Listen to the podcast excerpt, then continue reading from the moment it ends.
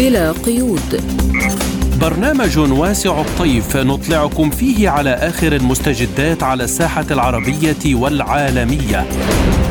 حصريا من إذاعة سبوتنيك.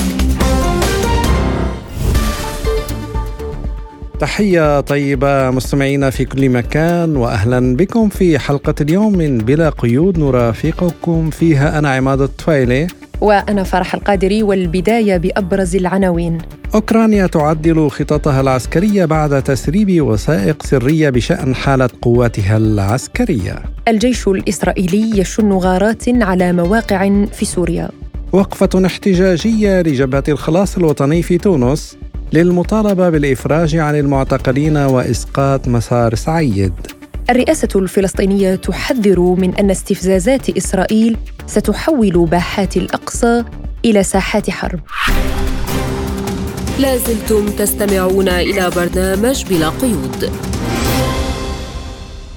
ونبدأ الحلقة بالموضوع الأوكراني. عدلت أوكرانيا بعض الخطط العسكرية بسبب تسريب وثائق سرية تصف حالة قواتها المسلحة حسب ما أفادت قناة سي إن إن الأمريكية نقلا عن مصدر لم تسمه مقرب من الرئيس الأوكراني فلاديمير زيلينسكي. وقالت القناة لقد غيرت أوكرانيا بالفعل بعض خططها العسكرية بسبب تسريب المعلومات دون أن تذكر التفاصيل حول ماهيه تلك التغييرات وحجمها.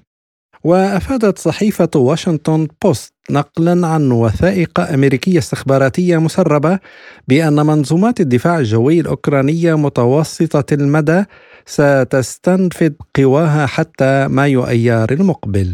وأعلنت من جهتها السلطات الأمريكية أنها تعمل على تقييم أي مخاطر على أمنها القومي قد تترتب عن تسريب الوثائق السرية التي كشفت عنها صحيفة أمريكية الأسبوع الماضي والذي يتعلق خصوصا بالنزاع في أوكرانيا. ونقلت صحيفة واشنطن بوست عن مسؤولين أمريكيين أن هذه الوثائق جرى تزوير بعضها لكن معظمها أصلية وتتوافق مع تقارير لوكالة الاستخبارات المركزية متداولة في البيت الأبيض والبنتاغون ووزارة الخارجية وفق المصدر نفسه. إليكم ما يقوله بهذا الصدد يوري كوت محلل سياسي وعميد كلية الاتصالات الإعلامية في معهد موسكو الحكومي للتصوير السينمائي. Я думаю, что это намеренно делается для введения дезинформации. Они أعتقد أن هذا يتم عن قصد من أجل التضليل إنهم يستعدون لهجوم التشكيلات الأوكرانية وبغض النظر عن عدد الدورات التي يقومون بترتيبها وبغض النظر عن القصص التي يصنعونها فإنها تبدو أكثر فأكثر كعملية إعلامية تحت مسمى غطاء. مهمتهم الآن هي زعزعة استقرار الإعلام قدر الإمكان ليقوموا بعد ذلك بشن هجوم سريع. الآن يحاولون تجميع أنفسهم بما يزيد عن خمسين إلى ستين ألف مزودين بالتكنولوجيا الغربية. لذلك أعتقد أننا نتعامل مع عملية إعلامية خاصة ومخطط لها. بدوره يقول دينيس بوشيلين القائم بأعمال رئيس جمهورية دانيتسك الشعبية حول آخر تطورات الأوضاع في أرتيوموفسك Вот он наш Артемовск. Освобождается. ها هي أرتيومسك وقد حرروها مقاتلو فاغنر بينما العدو لا يهمه إلى المدينة ولا السكان أما وحداتنا فهي تواصل تحرير الأراضي الروسية وللتعليق على هذا الموضوع ينضم إلينا من موسكو الخبير في الشأن الروسي الأستاذ بسام البني. أهلا ومرحبا بك أستاذ بسام. أهلا وسهلا بكم. أهلا بحضرتك. ونبدأ مباشرة بصلب الموضوع. يعني بعد تعديل أوكرانيا بعض الخطط العسكرية بسبب تسريب وثائق سرية تصف حالة قواتها المسلحة يعني كيف سيؤثر هذا على مسار العملية الخاصة؟ ما الذي يمكن أن يتغير بشكل كبير؟ يعني لا يمكن أن يتغير آه، هذا آه، هذا الأمر لا يمكن أن يغير من آه، أهداف العملية العسكرية الخاصة لأسباب عديدة لأن روسيا لديها مخابراتها الخارجية العسكرية العاملة في منطقة العمليات وخارجها. يعني لدى روسيا الصورة الكاملة عن تحركات الأوكرانية وعن ال- التحركات الناتو خلف أوكرانيا وعن المعدات الموجودة لدى العدو وإلى آخره من هذه النقاط الفنية العسكرية التي أنا لا دراية لي بها يعني. ولكن هذه التسريبات جرت لأسباب عديدة. ممكن أن تكون عملية آه، تمويه مثلا عن هجوم محدد أو عن هجوم معين. فقد ينشرون مثلا 90 95% من معلومات صحيحة وينشرون يعني يدسون بينها ملفين غير صحيحين من أجل أن يعني يعني يموهوا من أجل التضليل نعم كنت أبحث عن الكلمة شكرا لك. من أجل تضليل القوات الروسية ولكن القوات الروسية منتبهه إلى هذه النقاط ولكن هذه التسريبات بكل الأحوال لديها عدة أهداف. كما قلت لك اولا ممكن موضوع التضليل ثانيا ممكن تكون فعلا قد سربت من الطرف المناهض للحرب الأوكرانية من بنتاغون الأصوات التي بدأت تظهر. لماذا نحن يعني يعني ربطنا مصيرنا بأوكرانيا وإلى اخره من هذه النقاط؟ وقد تكون بفعل فاعل يعني آه، لا أعلم من هو. هذه النقاط هي المهمة في هذه الملفات. أما موضوع العملية العسكرية فهي مستمرة برأيي الشخصي ولن تتراجع عن تحقيق كامل أهدافها مهما كانت القوات الأوكرانية جاهزة أو غير جاهزة لأن القوات الروسية جاهزة وتنتظر هذا الهجوم المعاكس الذي طالما تحدثوا عنه. ولكن أعتقد أيضا أن تسريب هذه المعلومات هو جاء نتيجة إدراك البنتاغون بأن كيف ستفشل في هجومها المعاكس ان جرى لتبرير آه، الفشل بأن يعني هؤلاء الروس الملاعين قد سرقوا خططنا وقد جهزوا أنفسهم ولذلك فشلنا يعني. آه، طيب يعني أستاذ بسام برأيك هل من الممكن القول إن الولايات المتحدة الأمريكية اليوم قد أضعفت وأفشلت الدول الاتحاد الأوروبي بعد أن جرتها إلى هذا الصراع في أوكرانيا في مواجهة روسيا. بكل تأكيد واكبر دليل تصريحات ماكرون الأخيرة التي جاءت منذ سنتين حتى اليوم يعني وحتى أثناء زيارته للصين يعني. الرئيس الفرنسي ايمانويل ماكرون تكلم عن استقلالية أوروبا وهذا الحديث ليس جديد حيث ضجرت أوروبا بالحاله الاقتصاديه والابتزاز الأمريكي للقارة العجوز يعني. الرئيس الفرنسي كانت له الكثير من التصريحات السابقة حول هذا الموضوع الذي انتقد فيه السياسة الأمريكية في تعاملها مع أوروبا والتي دائما ما تمارس سياسة السيد والتابع. ولكن أنا لا أعول كثير كثيرا على ماكرون لأنه كما صرح من موسكو العديد من التصريحات الإيجابية عاد وانضم عندما حان وقت اختيار السياده من عدمه آه، رضخ الإرادة الأمريكية وانضم إلى المعسكر الغربي وأصبح من الصقور الذي ينادي بالتسليح اوكرانيا هذا الموضوع يتكرر اليوم أمام الصين وأنا أعتقد أن الصين تلاحظ هذه التحركات المكرونيه إن صح التعبير وتعرف من هو مكرون على حقيقته فلن تنخدع. ولكن آه كلام ماكرون يعني يأتي نتيجة ضغط الشارع الأوروبي، هذا الأمر واضح للعيان، ضغط الشارع الأوروبي الذي يعني مل من ارتفاع الأسعار والتضخم الاقتصادي ويتساءلون يعني لماذا نحن نرسل إلى أوكرانيا كل هذه الأسلحة وكل هذه الأموال ونحن ليس لدينا ما يكفينا من تدفئة ومن آه، أموال لصرفها وقد تضررت يعني مستوى معيشتنا. هذا الأمر واضح للعيان وليس سرا على أحد أن الولايات المتحدة الأمريكية تستنزف القارة الأوروبية كمستعمرة أمريكية، فكما تعلمين بعد انتهاء الحرب العالمية الثانية كان هناك الاتحاد السوفيتي والامريكان، الاتحاد السوفيتي سحب قواته وروسيا حل يعني وريثته. لم لم تقم باستمرار الاحتلال بينما القوات الأمريكية وسعت وجودها في القارة العجوز وبدأت تفرض عليها قراراتها السيادية. الاقتصادية والعسكرية والسياسية. هم يتباكون أنه ليس لديهم من ذخائر وقد نفذت بعض الذخائر أو قيد أن تنفذ. ولكن أنا لا أثق في هذا كل هذا الكلام لأنه قد يكون فعلا في عملية تضليل أيضا من أجل أن يعني تسترخي. نعم يعني هناك أيضا صحيفة فيلد الألمانية تشير إلى تشكيك الاتحاد الأوروبي في تنفيذ خطة نقل مليون قذيفة إلى كييف بحلول نهاية العام.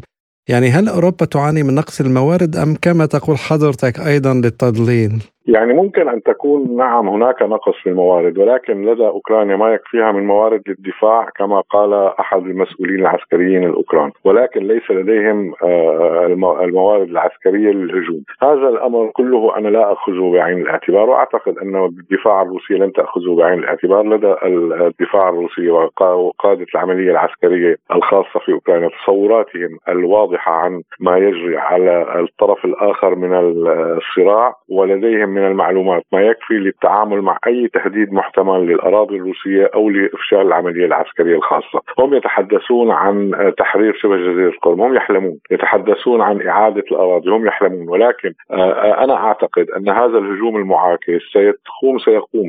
بكل الأحوال سيتم، ولكن فشله سيكون هو نهاية العملية العسكرية الخاصة من طرف الناتو. وتخليه عن أوكرانيا لأنه سيكون هذا الهجوم هو هجوم الفرصة الأخيرة بالنسبة لأوكرانيا، كل التصريحات الغربية تدل على أن الغرب بدأ يتململ ويريد أن يجد لنفسه مخرجا بعد أن وقع على كل خطوات الأوكرانية وعلى كل الأمور التي وقع عليها ضد روسيا. بعد اكتشافهم أن العالم فعلا بدأ يتشكل عالم متعدد الأقطاب آه وأن روسيا لم ينهار اقتصادها كما كانوا يحلمون ولم تنهار قوتها العسكرية كما كانوا يحلمون ولم تقوم ثورة داخلية ضمن روسيا لتفتيتها كما كانوا يحلمون. أصبحوا يفكرون بخط الرجعة، خط الرجعة كيف سيكون؟ يجب أن يجدوا لنفسهم مخرجا من عنق الزجاج الذين وضعوا أنفسهم به. من أجل التخلي عن أوكرانيا كما تخلت الولايات المتحدة الأمريكية قبلها عن أفغانستان عندما كانت تدعم الديمقراطية بين قوسين في أفغانستان عندما خرجت قالت لم يستطع الأفغانيون أن يدافعوا عن ديمقراطيتهم فماذا سافعل لهم؟ واليوم قد نجد مثل هذا التصريح بعد سنة أو ستة أشهر من الآن وقد قالت الولايات المتحدة الأمريكية هم الأوكرانيون لم يستطيعون الدفاع عن الديمقراطية بعد أن يستنفذوا كل القوات الأوكرانية وبعد أن يستنفذوا كل الطاقات الأوكرانية وتتحول أوكرانيا إلى شبه دولة يتم تجزيئها جزء تأخذه روسيا جزء تأخذه بولندا إلى آخره لا اعلم إلى أين ستذهب الأمور يعني ولكن أوكرانيا كأوكرانيا لن تبقى على الخارطه. آه، طيب يعني أستاذ بسام آه، أنتوني بلينكن قال إنه يستبعد آه، إجراء مفاوضات لوقف إطلاق النار بين موسكو وكييف برأيك لماذا أمريكا أدخلت نفسها والدول التي آه، أقحمتها في هذا الصراع.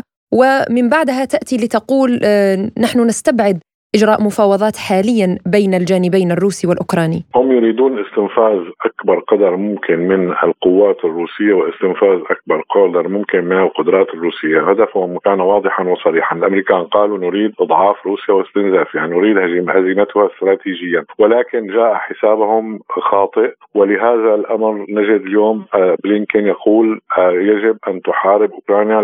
لا يوجد فرص للسلام الآن، روسيا غير جادة بالمفاوضات، يجب سحب القوات القوات الروسية من أوكرانيا إلى آخره من كل النقاط التعجيزية، هذا لا يعني أن أمريكا لن تتغير لأن الانتخابات الأمريكية على الأبواب وقد اليوم بلينكن غدا سيكون غيره واليوم بايدن غدا سيكون غيره. سيأتي رئيس قادم أو رئيس أو وزير خارجية قادم يقول لك نحن لم لا نستطيع أن ندعم أوكرانيا بلا نهاية فهي لم تستطيع الدفاع عن ديمقراطيتها. أضف إلى ذلك أنهم لن يدخلوا في الحرب ضد روسيا بشكل مباشر إلا في حالة واحدة. إذا ما آه، يعني ضربوا بالجنون لأنهم إذا دخلوا في معركة مباشرة مع روسيا المعركة ستنتهي خلال ساعات لأن هذه المعركة العالمية الثالثة لن تكون قوات دبابات تتصارع وإلى آخره من هذه النقاط ستكون حرب نووية استراتيجية بعيدة آه، شاملة. وروسيا لديها من المقومات من الأسلحة والحاملات والحاملات يعني الصواريخ الحاملة للرؤوس النووية التي تتميز عن الغرب وتسبقه بعشرات السنوات ولا يوجد أي قوة دفاعية تستطيع أن يعني تعترض هذه الصواريخ الفرد صوتية على سبيل المثال والسكون والبسيدون وإلى آخره من هذه الصواريخ. هذا يعني أن الغرب لن يجرؤ على الصدام مع روسيا بشكل مباشر وبالتالي سيضطر مكرها للتخلي عن أوكرانيا بعد أن يكون قد استنفذ كل ما لدى أوكرانيا من قوات. يعني كما قال تشرشل اليوم ما سنحارب حتى آخر جندي سوفيتي اليوم يقولها بلينكن سنحارب حتى آخر جندي أوكراني وربما حتى آخر جندي أوروبي. لماذا؟ لأن الولايات المتحدة الأمريكية لديها تضخم اقتصادي ولديها مشكلة اقتصادية. تريد الخروج من أزمتها الاقتصادية على حساب أوروبا على حساب على حساب انتقال المعامل والصناعات المتميزة. الأوروبية إلى الأراضي الأمريكية نتيجة استهلاك آه، آه، أوروبا لاقتصادها وانهيارها والتضخم الاقتصاد بها وارتفاع أسعار الطاقة التي آه، أجبرت على اتخاذ عقوبات ضد روسيا. تضر بمصالحها وترفع أسعار الطاقة مما يعني أن الصناعات تصبح غير مجدية وغير منافسة إذا لم تنتقل إلى مكان آخر. وقد لاحظنا بعض الشركات مثل فولكس فاجن وغيرها بدأت بالهجرة إلى أمريكا نتيجة توفير الطاقة الرخيصة الشيء الذي انتقده ماكرون انتقده الألمان ولكنهم لا يستطيعون فعل شيء لأنهم بالفعل مستعمرين امريكيا بشكل مباشر وغير مباشر. نعم لكن الرئيس الفرنسي إيمانويل ماكرون قال لا يمكن لأوروبا أن تبني بنية أمنية في ظل النزاعات ربما اذا لا ينبغي لنا إثارة هذه الصراعات كيف يمكن تفسير هذا التصريح الفرنسي؟ يعني ماكرون من يوم يومه بيصرح تصريحات لما نزل الله لها من سلطان. يعني يصرح شيء ويتصرف بشيء آخر. يصرح أنه يريد السلام ويريد أن يتفاوض مع روسيا ويأتي إلى روسيا ويضع الطاعة ثم يعود إلى فرنسا ويبدأ بالانتقاد. يتحدث مع بوتين ويصور حديثه مع بوتين وبحضور آه، الصحفيين ويمزحون ويضحكون. يعني هذا الرجل غير آه، أنا برأيي غير آه، مؤهل ليكون قاده يعني سياسي من القاده في العالم لأنه يتصرف كالصبية نعم. نعم نشكرك الخبير في الشأن الروسي الأستاذ بسام البني. كنت معنا من موسكو. شكرا جزيلا لك أستاذ شكرا لكم شكرا لكم. لازلتم تستمعون إلى برنامج بلا قيود. وإلى سوريا حيث أعلن الجيش الإسرائيلي شن غارات على مواقع عسكرية في سوريا ردا على إطلاق قذائف من داخل سوريا باتجاه الجولان. وقالت الخدمة الصحفية للجيش الإسرائيلي إن الجيش يحمل سوريا مسؤولية جميع الأعمال التي تحدث على أراضيها ولن يسمح بأي محاولة لانتهاك سيادة إسرائيل. ونقلت وكالة سانا عن مصدر عسكري سوري قوله إن قوات الدفاع الجوي تصدت لعدد من الصواريخ الإسرائيلية مشيرة إلى وقوع خسائر مادية. وللتعليق على هذا الموضوع إليكم ما يقوله لبرنامجنا الخبير العسكري والاستراتيجي الدكتور كمال جفا عن قراءته لهذه الهجمات الإسرائيلية وكيف سترد السلطات السورية على هذه الهجمات. أعتقد أن حملة التصعيد العسكري المتبادلة ما بين كيان العدو الصهيوني والمنطقة يعني ضد المنطقة الاعتداءات التي تقوم ضد سوريا وبعض المواقع التابعة لقوات الحلفاء مستمرة منذ عدة سنوات. وأعتقد أنها ستستمر إن لم يتم وضع معادلة ردع تؤدي إلى لجم العدو الصهيوني عن تنفيذ هذه الاعتداءات. اليوم يعني للأسف نلاحظ أن الخاسره الأضعف في كل المنطقة هي سوريا ويعني يتساءل المواطن السوري لماذا سوريا هي الخاسره الأضعف ولماذا يكون هناك رد يعني لا يقوم العدو الصهيوني باستهداف إلا الأراضي السورية تحت ذريعة تواجد قوات ميليشيات إيرانية أو قوات لحزب الله.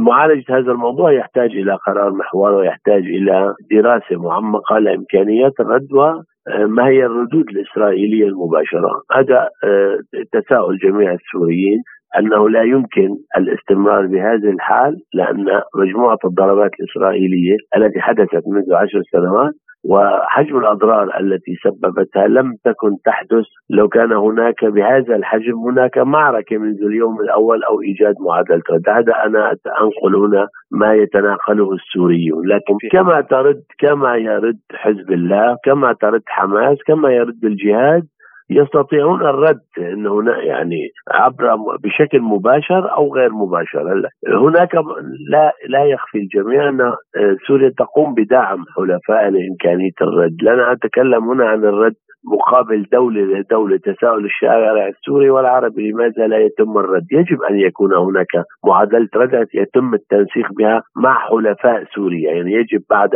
عشر سنوات من الاعتداءات يجب أن لا يستمر هذا الوضع الشاذ. هذا وضع شاذ بالنسبة للمواطن السوري. آليات البحث وكيفية الرد والتوازنات وحجم يعني الردود والردود العكسية التي ممكن أن يقوم بها العدو. أعتقد أن كل شيء له أسمان. لكن أنا أنقل ما يتم تناقله بالنسبة للمواطن السوري داخل سوريا وخارج سوريا حتى مواطني الدول العربية. وبالتالي أعتقد أن هذه الاعتداءات ستستمر باشكالها لأن يجب أن يكون هناك معادلة بالرد. وفي حال استمرار الاعتداءات الإسرائيلية على سوريا هل سيتمكن الطرفان من تجنب المواجهة المسلحة المباشرة؟ يقول جفا حتى الآن هذه المعادلة يبدو أنها تريح الاسرائيلي ويتجنب المواجهة المباشرة، أيضا سوريا في هذه الظروف لا تريد أن تدخل مواجهة مباشرة، أنا أتكلم هنا عن رفع مستوى الردع لدى سوريا بالاتفاق مع الحلفاء، لا أتكلم عن حرب مباشرة لأنه لا أحد يريد الحرب المباشرة، لكن لا يمكن السكوت إلى ما لا نهاية عن هذه الضربات سيما أن الأهداف الاسرائيليه ربما لا يتم تحقيقها ضمن ضربه أو ضربتين لكن يتم تحقيق كامل الأهداف الإسرائيلية من جراء هذه الضربات على المدى الطويل، هي تقوم بإدارة لعبة شطرنج مع الجانب السوري ومع حلفاء سوريا المتواجدين على الأراضي السورية، ونحن نتفهم الحساسية ال ال يعني حساسية أنا أتكلم هنا عن استفسار ورأي الشارع. لماذا لا تكون هناك عملية إغلاق أجواء من قبل الحلفاء من قبل روسيا التي تستطيع أن تغلق المنطقة بأكملها حقيقة الأمر؟ روسيا يعني لا تريد أن تدخل بصراع أو صدام مباشر مع العدو الصهيوني. أيضا وضع ربما التحييد الجزئي لروسيا من الدخول اليوم في مباشر دعم عسكري مفتوح ومباشر للجيش الأوكراني ربما لم تدخل آه، حتى الآن إسرائيل في حلف مباشر مع روسيا لذلك يبدو أن هذه المعادلة لا زالت سائدة فيما يتعلق بتواجد القوات الروسية في سوريا بأنها لا تقوم بعمليات الاشتباك أو التدخل المباشر بهذه الضربات. أعتقد أن هذه ضمن تفاهمات أو معادلات دولية تم إقرارها منذ العام 2015 عند بداية دخول القوات الروسية إلى سوريا.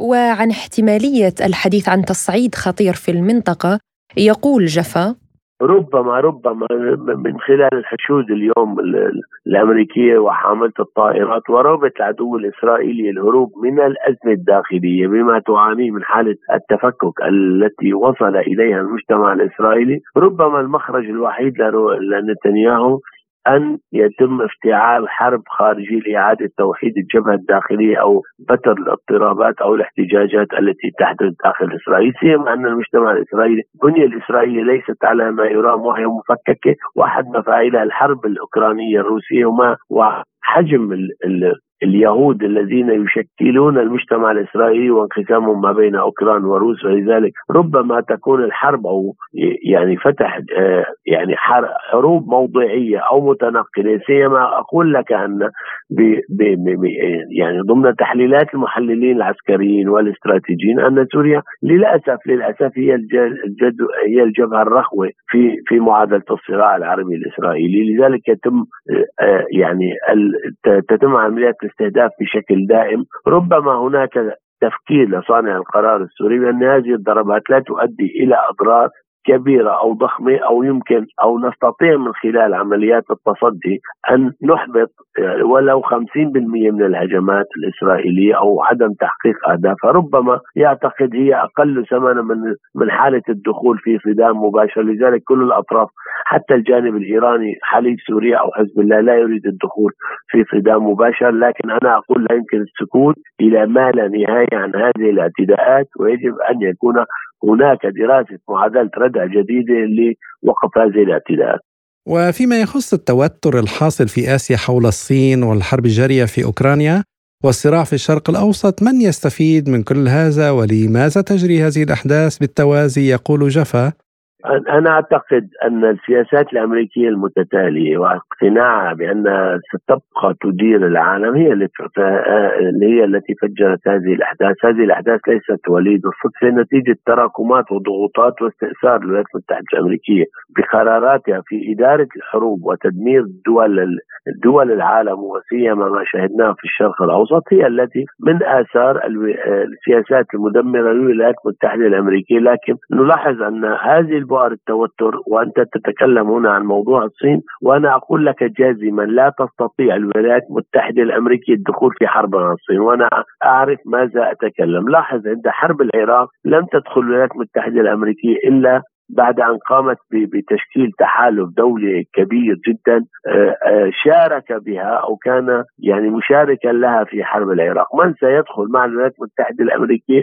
ودخلوا الحرب العراقية بمشاركة 32 جيش دولي نظامي بعد عشر سنوات من الاستهداف والحصار، فكيف بالصين؟ والصين تقاتل في منطقتها وعلى أرضها وتقاتل ضمن آه، يعني محيطها وجبهات قتالها ومحيطها الاستراتيجي والفضاء التابع لها والبحار التي تسيطر عليها. وأنت تعرف البعد بعد الولايات المتحده الأمريكية عن الصين وكم تحتاج لنقل قوات أو عتاد أو سفن، الصين تقاتل لا تقاتل لتقوم بتغزو بغزو دولة أخرى تدافع عن حدودها وستقاتل بشراسة مطلقة. لكن عن ماذا سيقاتل الجندي الأمريكي أو الجيش الأمريكي؟ وكيف يستطيع الرئيس الأمريكي نقل عتاد وقوات وجيش لقتال الصين؟ لا تستطيع أمريكا فتح جبهة مع الصين. ستستمر حملة ما يسمى حروب الباردة وضغوط اقتصادية واقامه تحالفات لكن هذه التحالفات لا تمشي حسب إرادة الولايات المتحدة الأمريكية. تتسع حجم التحالفات مع دول آسيا والتفاهمات والتهدئة ولا سيما بعد ما شاهدنا من المصالحة السعودية الإيرانية واليوم إعادة التشبيك الاستراتيجي مع دول آسيا نتكلم روسيا وإيران وربما والسعودية والصين وبعض الدول ربما باكستان سيؤدي إلى تغيير المشهد الاستراتيجي وكف أو قطع اليد الأمريكية تدريجيا عن التدخل في دول العالم. كان معنا الخبير العسكري والاستراتيجي الدكتور كمال جفا. لازلتم تستمعون إلى برنامج بلا قيود. وإلى تونس نظمت جبهة الخلاص الوطني المعارضة في تونس وقفة احتجاجية أمام المسرح البلدي بشارع الحبيب بورقيبة تزامنا والذكرى الخامسة والثمانين لعيد الشهداء لتجديد دعوتها كافة قوى المعارضة إلى التوحد وإطلاق سراح الموقوفين من السياسيين التابعين لمكونات الجبهة. كما حذر رئيس جبهة الخلاص الوطني أحمد نجيب الشابي من مخاطر الانهيار الوشيك للدولة والإسراع بإيجاد حلول لهذا الوضع الذي اعتبره أنه خطير وينبئ بالانهيار وذلك نتيجة السياسات الخاطئة والتصريحات المتواترة وغير المدروسة لقيس سعيد. ورفع المحتجون عدة شعارات منها يا قضاء أوقف استبداد الفرد الحرية للمعتقلين حريات حريات لا قضاء التعليمات العدالة هي الكل. ولمناقشة هذا الموضوع أكثر ينضم إلينا من تونس المحلل السياسي التونسي والمحامي حازم القصوري أهلا وسهلا بك أستاذ حازم وشكرا لتلبيتك الدعوة اليوم معنا في بلا قيود. يعني هذه الوقفة الاحتجاجية التي نظمتها جبهة الخلاص الوطني بالأمس ما هي الرسائل التي تحملها بالتزامن مع الذكرى الخامسة والثمانين لعيد الشهداء؟ هي قبل كل شيء داني وصلت على يعني الجبهة جبهة الخلاص بين ظفرين الوطني لأن هذه الجبهة ليست لها صفة قانونية وحتى الأطراف المشاركة يعني في هذه الجبهة آه، لم يمارسوا سياسة فقط هم فتحوا دكاكين حزبية و من الناحيه القانونية الصرفة ليس لهم امتداد لا شعبي ولا حتى في الانتخابات. يعني حينما تقاطع الانتخابات بالتالي أنت استثنيت نفسك بنفسك وبالتالي لا يمكن اعتبار أن الجبهة كيان سياسي يعني لائتلاف أحزاب سياسية. ويعني تنظيمهم للوقفة الاحتجاجية ذات يوم عيد هو في حد ذاته تناقض صارخ لأن عيد الشهداء هو تحية إلى الشهداء الذين تصدوا للاستعمار الأجنبي ورفضوا بقاء القوى الغاشمة في تونس. والحال أن ما يعرفون بجبهة خلاص النهضة هم من يريدون اليوم استدعاء الخارج واستدعاء يعني التدخل الخارجي ورد الاعتبار للاستعمار يعني الأجنبي. وهذا يعني تناقض صارخ تناقض يعني فيه إهانة لأنفسهم. بالنسبة لتونس هذا العيد هو عيد الشهداء. هو آه، في رمزيته هو عيد تحرر وطني. وحينما قرر الشعب التونسي الانعقاد من ربقة الاستعمار الفرنسي وبالتالي هم الآن في تناقض حتى على مستوى الرمزية الوطنية طيب يعني أستاذ حازم إلى ماذا ستؤدي برأيك هذه الاحتجاجات في ظل الوضع الحالي الذي تعيشه تونس؟ أعتقد أن بعض الانفار الذين أرادوا أن آه، آه، يسرقون الصورة لتوزيعها عبر العالم بأن هنالك بين ظفرين معارضة جدية والحال أنهم أنفار يعني من الأطراف التي ارتمت في أحضان الخارج والحال أن حتى حديثهم على المساجين فإنه حديث مغلوط وإساءة لتونس باعتبار أن هؤلاء المتورطون هم يعني يعني مساجين رأي يعني ليس مساجين رأي أو سياسيين بقدر ما هم مساجين حق عام لأنهم تورطوا في ملف تآمر على أمن الدولة.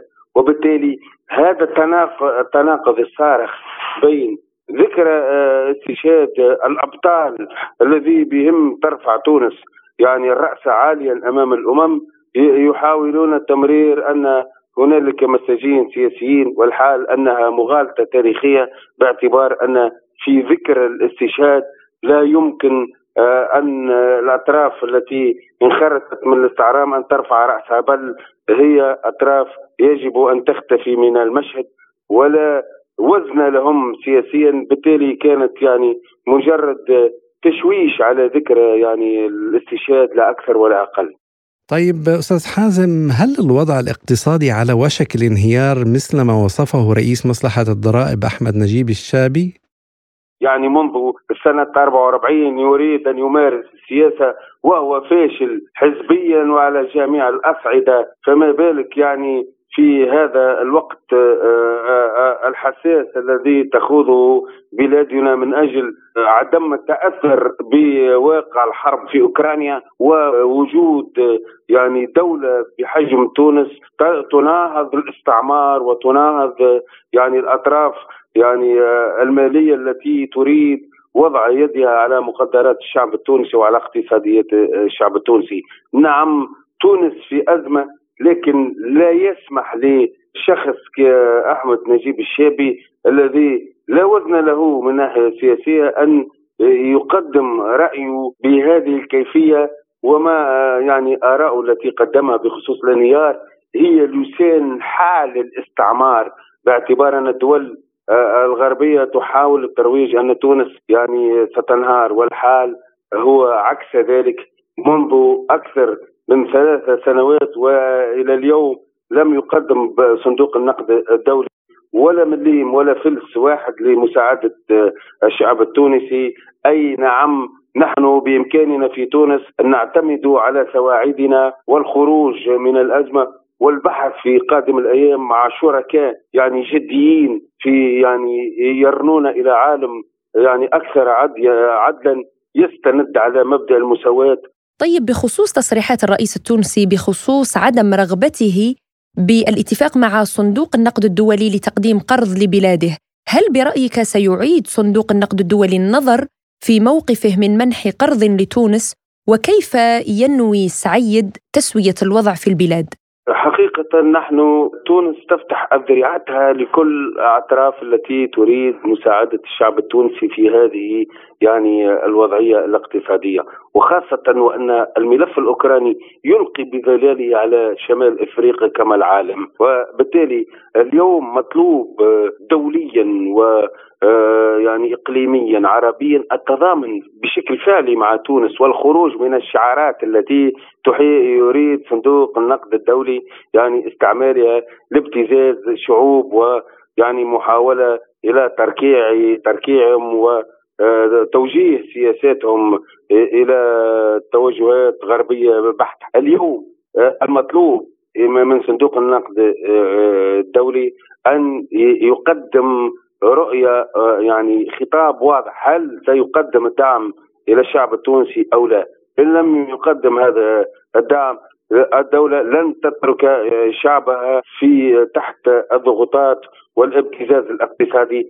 س آه، يعني ترسم معالم خطة طريق جديدة بديلة خاصة وأن العالم والكتل الاقتصادية متنوعة اليوم. ونذكر يعني ونحن على أبواب قمة مهمة لقمة البريكس. هو فرصة تاريخية بالتالي إلى تونس وخاصة وأن الجزائر يعني يعني ك يعني شريك متقدم واستراتيجي إلى تونس هو كذلك ينوي إلى الانخراط في البريكس.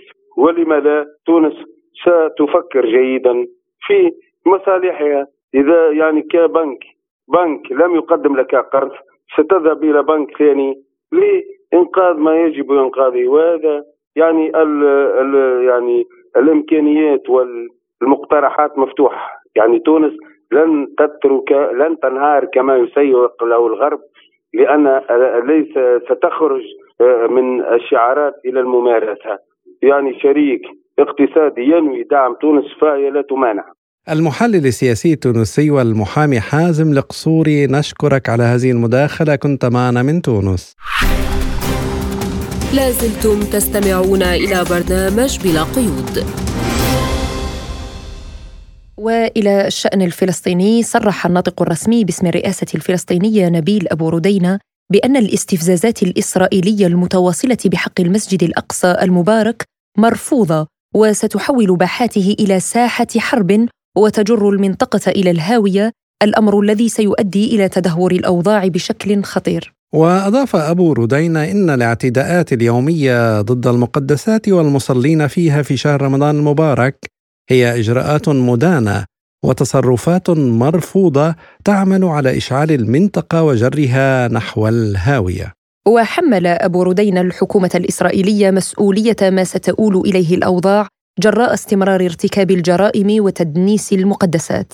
وقال إن القدس بمقدساتها هي عاصمة دولة فلسطين الأبدية وكل الإجراءات الإسرائيلية والدعم الأمريكي لن تؤدي إلى الأمن والاستقرار. وأثارت هذه الاعتداءات الإسرائيلية إدانات دولية وعربية لما يجري في باحات الأقصى الشريف بينما أكد رئيس الوزراء الإسرائيلي بنيامين نتنياهو أن دولته ملتزمة بالوضع الراهن فهل سيتم اتخاذ إجراءات ضد إسرائيل من قبل المجتمع الدولي خاصة من قبل الأمم المتحدة. مراسلنا أجود جردات من فلسطين ينقل لنا الأوضاع حاليا. ما زال المسجد الأقصى تحت الإجراءات والتقييدات المشددة من قبل الشرطة الإسرائيلية على دخول الفلسطينيين للمسجد وباحاته في اليوم الخامس من عيد الفصح اليهودي. وفي المقابل يقتحم مئات المستوطنين باحات المسجد بحراسة من الشرطة الإسرائيلية ضمن مجموعات ينفذون جولات استفزازية ويؤدون طقوسا تلموديه في مشهد يستفز الفلسطينيين والمصلين الذين يردون على هذه الاقتحامات بالتكبير. من داخل المسجد. هذه الإجراءات التي تتخذها السلطات الإسرائيلية تجاه المسجد الأقصى وإغلاق أبوابه والتضييق على أهل البلدة القديمة بالقدس تفاقم الأوضاع وتزيدها لهيبا ينتقل بسرعة إلى مدن الضفة الغربية التي تشهد حالة من الغضب والعمليات الفردية وإغلاق لمعظم الحواجز العسكرية على مداخل المدن خاصة شمال الضفة الغربية التي تشهد مشاركة واسعة من المستوطنين ومن وزراء إسرائيليين لإقامة بؤرة استيطانية جديدة على أراضي الفلسطينيين، هي أجواء مشحونة تشهدها الأراضي الفلسطينية تحتمل التصعيد أكثر مع استمرار الإجراءات الاستفزازية على المسجد الأقصى. ولمناقشة هذا الموضوع أكثر نستضيف معنا من فلسطين الكاتب والباحث السياسي بالشؤون الفلسطينية الأستاذ جهاد حرب أهلا وسهلا بك أستاذ جهاد في برنامج بلا قيود. يسعد أوقاتك واهلا وسهلا بك وبجميع المستمعين والمستمعات. نبدأ من هذه الاستفزازات الإسرائيلية والانتهاكات بحق الشعب الفلسطيني في باحات الأقصى الشريف، يعني ما هو السيناريو المتوقع للأوضاع في الفترة القادمة برأيك؟ استمرار استفزازات جنود الاحتلال وحكومة الاحتلال الإسرائيلي سواء بزيادة الاستيطان وحماية المستوطنين أو ما يتعلق بالمسجد الأقصى باعتباره مكانا مقدسا لدى الفلسطينيين وهو الأكثر حساسية لدى الفلسطينيين على مدار السنوات الثمانية الماضية فيما يتعلق بالمواجهة مع الاحتلال الإسرائيلي. والخشية الفلسطينية من التقسيم الزماني وصولا إلى تقسيم مكاني في ساحات المسجد الأقصى بحيث يتم تقسيم تقسيمه ما بين المسلمين واليهود كما فعلوا في الحرم الإبراهيمي في مدينة الخليل في ظني أن هذه الاستفزازات ستؤدي إلى توسيع المواجهة بين الفلسطينيين والاحتلال الإسرائيلي، الأمر الذي ينذر بأن تكون هذه المواجهة أكثر عنفا مما شاهدناه خلال السنوات الماضية، وهنا أريد أن أقول بأن الموجود حاليا هي انتفاضة ثالثة لكن عبر موجات متعددة شاهدناها خلال العام الماضي منذ آذار مارس 2022 تتصاعد أحيانا وتنخفض أحيانا أخرى لكنها مستمرة وتأخذ شكلا أكثر عنفا مما كانت عليه المواجهات السابقة بحيث أن الكفاح المسلح أو العمليات المسلحة هي الظاهرة الأكبر خلال هذه الانتفاضة أو الموجة الواسعة من المواجهة والتي تشكلت فيها أيضا مجموعات مسلحة علنية في مناطق فلسطينية مثل مدينة جنين ومخيمها وكذلك في نابلس وفي طول وفي أريحة. وهذه المواجهة تأخذ شكل العمليات كما هو في حوار على سبيل المثال وفي في الأغوار في جنين وفي بعض المستوطنات الإسرائيلية. هذا الأمر يعزز من سيناريو أو احتمال ما يتعلق بتوسيع المواجهة. نعم يعني أستاذ جهاد ما يحدث اليوم علني وأمام الملأ وأعين العالم أجمع لا يمكن إنكار بأن هناك انتهاكات غير إنسانية بحق الفلسطينيين. برأيك هل سيتخذ المجتمع الدولي ولا سيما الأمم المتحدة موقفا تجاه إسرائيل؟ لا أعتقد ذلك، هناك حماية لإسرائيل من قبل الولايات المتحدة الأمريكية، آه انظر على سبيل المثال رفضت اصدار بيان من مجلس الأمن لإدانة الاستفزازات الإسرائيلية في المسجد الأقصى وخطورتها، والتي تنظر بمواجهه واسعة وتتأثر على الأمن والاستقرار والسلم الدوليين ليس فقط على الفلسطينيين والإسرائيليين، إلا أن الإدارة الأمريكية بشكل دائم تحمي الاحتلال الإسرائيلي، وهنا أريد أن أقول بأن المشكلة هي في الاحتلال ذاته وتمظهراته المتعلقة المتعلقه بجنود الاحتلال الإسرائيلي أي بالوجود العسكري في الأراضي الفلسطينية المحتلة عام 67 وكذلك المستوطنين والاستيطان باعتباره استعمارا بنقل سكان يهود إسرائيليين إلى مناطق المحتلة عام 67 ناهيك عن ما يتعلق بالممارسات. فيما يتعلق بالممارسات هناك ممارسات استفزازية من قبل المستوطنين كما نشاهده يوميا في المسجد الأقصى في صباح كل يوم تقريبا بالإضافة إلى حماية الاحتلال الإسرائيلي لهذه الاستفزازات وتصريحات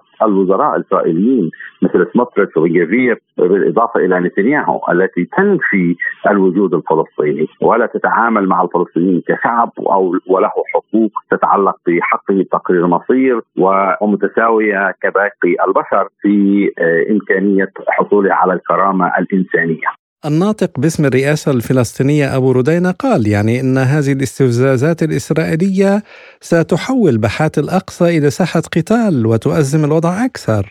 المسجد الأقصى وساحاته هي بؤره توتر لأن هناك خشية فلسطينية من سيطرة الاحتلال الإسرائيلي ومنح اليهود امكانيه البقاء أو أماكن محددة كمساحة في المسجد الأقصى أو التحول إلى هدم المسجد الأقصى كما تدعو لها مجموعات يهودية متطرفة وبناء الهيكل آه، المزعوم آه، في مكان المسجد الأقصى. وهذه الخشية أدت إلى تصاعد الحملات الداخلية لدى الفلسطينيين للدفاع عن المسجد الأقصى. وما قاله آه، الناطق باسم الرئاسة السيد نذير بردينة هو يشير إلى أن المسجد الأقصى سيكون ساحة لبدء معركة أو مواجهة واسعة، وهنا عندما نتحدث عن معركة أو حرب هي تتعلق بمقاومه شعبيه فلسطينيه ضد الاحتلال الإسرائيلي. تأخذ أشكالا متعددة أو وسائل وأدوات متعددة في هذه المواجهة، سواء بالمواجهة الشعبية آه، كما نشاهدها بالدفاع عن المسجد الأقصى داخل ساحات المسجد الأقصى وفي مدينة القدس أو في المواجهة المسلحة عبر عمليات تكتيكية يقوم بها نشطاء فلسطينيين أو إطلاق صواريخ من قطاع غزة جميعها تشكل آه، ساحة لمعركة واسعة ضد الاحتلال الإسرائيلي ومقاومة الاحتلال الإسرائيلي وفقا للفلسطينيين هي تنسجم مع القانون الدولي وأيضا مع حقوق الوطنية للشعب الفلسطيني في آه، حقه بإقامة دولته وإنهاء الاحتلال العسكري الإسرائيلي للأراضي الفلسطينية المحتلة عن فلسطين. دول عديدة أدانت ما يحدث في فلسطين اليوم والاقتحامات المتكررة للمسجد الأقصى من قبل إسرائيل وبالأخص الرئيس الإيراني. آه، لماذا برأيكم أصبحت اليوم تل أبيب أكثر نشاطا؟ هل هو تخوف من الوجود الإيراني في المنطقة أو ماذا؟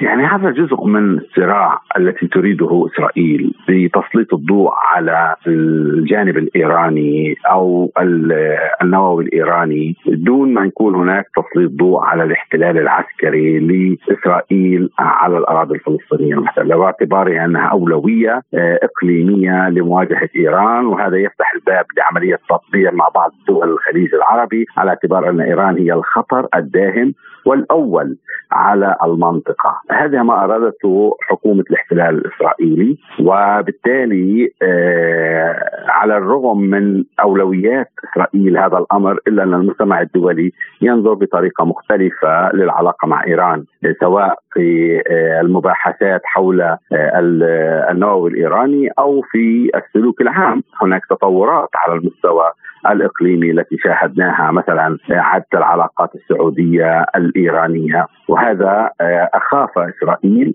وأعادت محاولة إسرائيل بشكل دائم طرح موضوع إيران على الطاولة سواء فيما يتعلق بالنووي الإيراني أو بالتمدد الإقليمي لإيران وتواجدها في لبنان وفي سوريا على سبيل المثال خلال الشهر الأخير هناك العديد من العمليات والقصف الإسرائيلي في سوريا يستهدف التواجد أو الوجود الإيراني سواء لمستشارين أو أماكن آه، خاصة بالقوات الإيرانية.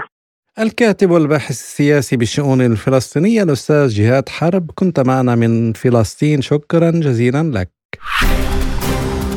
لازلتم تستمعون إلى برنامج بلا قيود. وإلى الملف الاقتصادي حيث أن المسؤولين في إدارة واشنطن على الرغم من خططهم المعلنة لإعادة التفاوض على تحديد العلاقات مع المملكة العربية السعودية لم يبدأوا هذه العملية رسميا. وكما ورد في صحيفة بوليتيكو فإن الإدارة وعدت بمراجعة العلاقات بين الولايات المتحدة والمملكة العربية السعودية بعد أن وافقت الدول المشاركة في اتفاقية أوبيك بلس في خريف 2022 على خفض إنتاج النفط.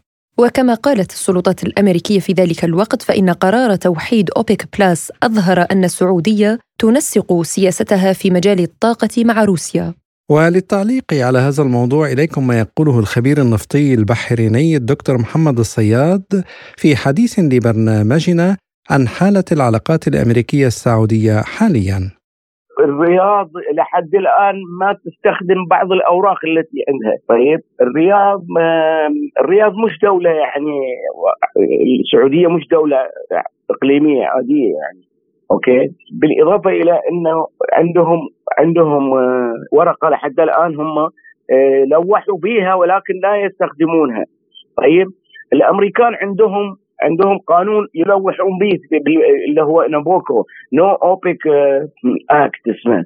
في مجلس النواب الأمريكي دائما يتم التلويح بهذا القانون باتخاذ قانون يحق للمواطنين الأمريكان بمقاضاة اوبك في الولايات المتحدة وفرض عقوبات وفرض آه، يعني غرامات على اوبك اوبك لحد الآن آه، طبعا هذه بالنسبة لهم هذا قرار خطير يعني. زين؟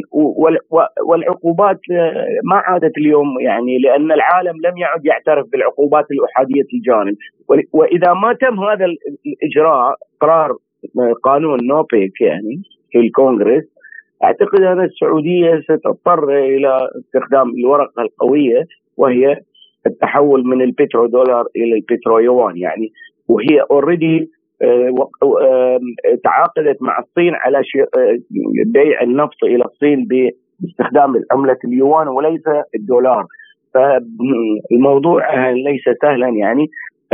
الأمريكان لن يستسلموا يعني قبل أيام هم أرسلوا آه، غواصة تسير بالطاقة النووية في المنطقة وويليام بير قبلها بيومين زار آه، آه، المنطقة واجتمع مع رؤساء الدول الدول الخليجية وتقريبا يعني كان آه، نوع من التهديد لتغيير لتغيير الكورس مسارات السياسة السعودية تحديدا يعني اتجاه الصين وروسيا يعني. وعن سؤالي ماذا سيحدث لو فرضت واشنطن عقوبات على الرياض يقول الصياد ذكاء من القيادة السعودية لم تعد القيادات تتصرف بفوضى وبعاطفة.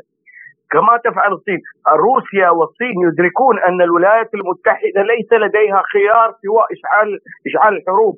لانها ستسقط بالضربة بالنقاط يعني. هم لا يريدون أن يستفزوا الولايات المتحدة لاستخدام آخر ورقة وهي العسكر. الولايات المتحدة في وضع يشبه وضع الاتحاد الانهيار. ولذلك هم يلاعبون الولايات المتحدة. كما فعلت الصين. الصين تدري الصين عملت صفقة تاريخية مع روسيا. آه لا أحد لا أحد يعلم تفاصيلها على. يمكن نعلم بعض تفاصيلها في المجال الاقتصادي والمجال السياسي والدبلوماسي. واضح. ولكن على المستوى العسكري والاستراتيجي لا أحد يعلم. ولكن هذا لا يمنع هذا لا يمنع أن بوتين يصرح بأنه لم يقطع شعارة معاوية مع أوروبا وأنه مستعد أن يعيد الاعتبار إلى أوروبا. هذه كلها بوليتكس ولا ولم يمنع الصين من استقبال قادة أوروبا قبل أيام ماكرون وأعطوه هدية آه، بأن يعني وافقوا على شراء 60 طائرة ايرباص آه، الصينيين فهذه كلها يعني بوليتكس أنت لا يجب أن تلاعب هذا النمر المتوحش الجريح فالسعودية تصرف ذكي جدا لما لما يعني تعطي 400 مليون دولار إلى أوكرانيا كي لا تظهر بأنها يعني منحازة إلى الجانب الروسي. وعن سؤال ما الذي يمنع أمريكا من اتخاذ مواقف عدائية ضد السعودية يقول الصياد. أنا طبعا لا لا يعني هذه الجوائز التي تمنحها المملكة إلى الولايات المتحدة أنا أعتقد هذه يعني سبق هذه السياسة أن جربتها إيران بعد توقيع بعد توقيع اتفاقية اتفاق اتفاق النووي مع الولايات المتحدة تعاقدت مع بوينغ تعاقدت مع إيرباص تعاقدت مع مع عدة شركات أمريكية وبعد ذلك لم يمنع من الولايات المتحدة من إلغاء الاتفاق وفرض العقوبات من جديد وانسحاب وانسحاب الشركات الأوروبية والأمريكية من السوق الإيرانية في فترة وجيزه جدا. أنا أعتقد إن الأمريكان الآن في عندهم معسكرين هم في معسكر متشدد جدا يدعو إلى اتخاذ مواقف حازمة ضد المملكة وفي فريق آخر يعتقد بأن اتخاذ مثل هذه المواقف سيكون له هم يقولون backfire يعني يكون له رد يعني يرتد علينا يعني الإجراء. ومنها طبعا يعني ممكن أن يغرق الدولار يعني أنت مجرد ما أنت المملكة العربية السعودية آه، تتخذ قرار حتى لو ما اتخذت علنا يعني بدأت اتخاذ إجراءات لبيع النفط السعودي. وكما فعلت السعودية حين قررت في 75 أن تدولر الصفقات ممكن أن لأن بعد بعدها على طول كل دول الأوبك نسجت على منوالها. فالخطوه طبعا يعني سلاح ذو حدين يعني بالنسبة للأمريكان عشان كذا في في هناك فريقان هناك فريقان في الولايات المتحدة، فريق يدعو إلى التشدد وفريق يدعو إلى إرسال الأساطيل وإرسال المبعوثين المخابرات وتوجيه الانذارات زين؟ يعني لأن يعني هذه النوويه هذين يريدون السلام. إيران والسعودية يعقدون صفقة لإحلال السلام. أنت ترسل هذه الغواصه تقول لهم تريدوا السلام براويكم أنا. طيب كيف؟ فالموضوع جدا جدا معقد. والأمريكان الآن في وضع آه، لا يحسدون عليه لأن يعني يوميا يوميا يوميا هناك تمرد على آه، على الدولار تمرد على ال unipolar system النظام الأحادية القطبية النظام التعددية القطبية آه، يعني يكسب أرض يوميا يوميا أنا أتابع على تويتر every day تقريبا.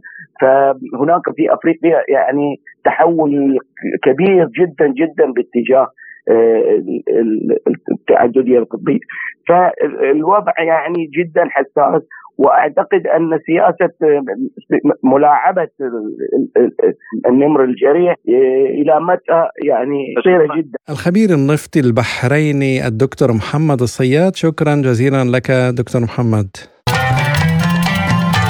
مشروع رحمة الرمضاني لمساعدة المحتاجين. ونختم الحلقة بفقرة رحمة الرمضانية ومبادرة أنت الخير الشبابية لتوزيع خمسة آلاف شنطة رمضان في مصر. يعمل الشباب في مصر دائما على أفكار مشروعات خيرية تساعد كثيرا في حل أزمة الأسر الأكثر احتياجا. هناك من يعمل في القاهرة وهناك من يعملون خارجها لكن الهدف واحد في كل الحالات. مؤسسة أنت الخير واحدة من تلك المشروعات الخيرية التي بدأت عام 2015 عن طريق مجموعة من الشباب يعملون بشكل تطوعي دعما للأسر الأكثر احتياجا في القاهرة العاصمة المكتظة بالسكان. أمين عام مؤسسة أنت الخير سامح بدوي قال لسبوتنيك عن هذه المبادرة الحقيقة لما جينا بدأنا كنا ست شباب بدأنا بدأنا الفكرة إن إحنا كان كل واحد مننا بيعمل عمل خيري بشكل فردي فاللي هو ليه ما نتجمعش ونعمل حاجة بشكل كامل يعني ونكمل بعض فيها. الفكرة بدأت معانا من 2015 آه، كنا تيم آه، خيري بنعمل أنشطة خيرية بننزل في المحافظات والقرى الفقيرة في آه، جميع محافظات مصر. بدأنا بالعياط ساعتها وعملنا توزيع للشنط والوقت دوت كان الصراحة قابلنا ردود أفعال كويسة جدا. من من أهل القرية والمتبرعين اللي معانا وال social media أثرت معانا بشكل كبير. بدأنا بعد كده إن إحنا نستمر على دوت ونحافظ على القوافل اللي إحنا بنعملها للشنط في المحافظات والقرى الفقيرة على مدار السنين اللي جت بعد كده لحد ما جينا في 2019 وأسسنا مؤسسة أنت الخير. من وقتها بدأنا إن إحنا نهتم بدوت في الجزء اللي له علاقه بالتوزيع الشنط للأسر الأكثر استحقاقا في محافظة القاهرة وبدليل إن إحنا نحط عينينا على مناطق مستحقة بشكل كبير جدا جوه القاهرة. بعد كده بدأنا إن إحنا نطلع دوت في رمضان بشكل مستمر كل سنة للمحافظات التانية. إحنا في انت خير السنة ديت مستهدفين توزيع ألف شنطة آه، كمرحلة أولى للمحافظات والقرى الأكثر استحقاقا على مستوى مصر. ومن هنا بدأنا بالفيوم وبدأنا بسوهاج ودمياط والمني. الفترة اللي جاية هنبدأ بسيوة وأسيوط والدقهلية. وإن شاء الله بإذن الله إن إحنا عايزين بدعم الناس المتبرعين الموجودين معانا إن إحنا نساعد في محافظات أكتر ونساعد في قرى أكتر خلال المشاركة دي. آه، الحقيقة إن شنطة رمضان بتفرق مع أسر كتير جدا ودوت ناتج عن إنه الأسرة بيبقى معاها المكونات الغذائية اللي موجودة عندها فمثلا لو ابنها جه يتعزم عندها في يوم ففرحه اللي هي بتعزم ابنها في اليوم دوت دي بتبقى حاجة حلوة جدا بالنسبة للأسرة بالنسبة للست المسنة الكبيرة في السن اللي هي قاعدة ومفيش في بيتها أي حاجة مثلا ممكن تعملها لنفسها في الأيام العادية فلما بيجي رمضان بيبقى في فرحة داخلة عليها آه، بشكل رهيب. فدي بالنسبة للسيدات المسنات بالذات بتبقى حاجة كبيرة جدا بالنسبة لهم. الحاجة الثانية في برضو جزء في الفترة الأخيرة اللي هم العمالة الغير منتظمة آه، أو العمالة اليومية. آه بالنسبة أنا بتكلم بالنسبة للقاهرة. آه فالحتة ديت بتبقى صعبة شوية بالنسبة لهم إن هم يروحوا المكان ويطلبوا منه حاجة أو مثلا كل شوية يطلبوا من حد حاجة أو ما يبقاش فيه فطار في بيتهم أو حاجة زي كده. فده بيأثر جامد جدا عليهم. لكن لما بياخدوا الشنطة الصراحة بتفرق. إحنا عندنا هنا في انت خير الشنطة بتقعد مع الأسرة بشكل كبير جدا. بتقضيهم كذا يعني كذا أسبوع. ممكن تدخل معاهم مثلا في ثلاث أسابيع. آه وإحنا في الأول الحقيقة إن إحنا كنا بنعملها كانت بتكفي أسرة خمس أفراد على مدار شهر. بس نتيجة طبعا لارتفاع الأسعار وال, وال يعني اللي إحنا الحالة الاقتصادية اللي إحنا وصلنا ليها في في الفترة الأخيرة العالم كله مش مصر بس آه ده أثر بشكل بشكل ملحوظ يعني. إحنا السنة ديت عندنا في في انت الخير شنط رمضان المكونات بتاعتها 2 كيلو رز كيلو سكر زيت سمنة نص شعرية ونص لسان عصفور ونص لوبيا ونص فاصوليا ونص عدس. آه، بنوزع كمان آه، معاها بلح وفي ثلاثة مكرونة كمان. فقبل كده كان بيبقى في ثلاثة رز وثلاثة مكرونة وكان بيبقى في اتنين سكر. فإحنا في ال... في الوقت دوت يعني مكونات الشنطة آه يعني قلت شوية المواد الغذائية اللي إحنا شغالين عليها في المكونات دايما هي الحاجات الأساسية لكل بيت موجود في مصر. آه زي مثلا الرز دوت مفيش حد ما يعني بيت بيخلى منه. آه المكرونة طبعا أكلة بتبقى سريعة وفي نفس الوقت بتبقى مناسبة لكل الفئات آه العمرية وال... والناس اللي موجودة معانا في المؤسسة إن هي تعمل ده. آه غير بقى لسان العصفور وال... آه، والشعرية واللوبيا والفاصوليا اللي هو النوع الثاني من الوجبة يعني. وبدأنا إن إحنا نوزع 100 شنطة بس. آه الحمد لله إحنا في الوقت الحالي ممكن نعدي 5000 شنطة. فدي آه، حاجة كويسة جدا لينا. طبعا جمع التبرعات وجمع الشنط دي بيبقى بنواجه فيه صعوبة شوية لأن إحنا مؤسسة قايمة على التبرعات من أفراد. فإحنا كلنا بنجمع من معارفنا ومن دايرة علاقاتنا ومن آه، متبرعين ممكن يبقوا عرفوا انت الخير أو عرفوا عن الأنشطة اللي إحنا بننفذها في المؤسسة وبدأوا يثقوا فينا من تنفيذ الشغل والمهام المطلوبة بالنسبة للمستحقين وبدأوا يتأكدوا من استحقاقهم وبملف المبادرات الخيرية في شهر رمضان الكريم نصل وإياكم مستمعين الكرام إلى ختام حلقة اليوم من برنامج بلا قيود. قدمناه لكم من استديوهاتنا في موسكو أنا فرح القادري. وأنا عماد الطفيلي وشكرا لإصغائكم وإلى اللقاء. إلى اللقاء.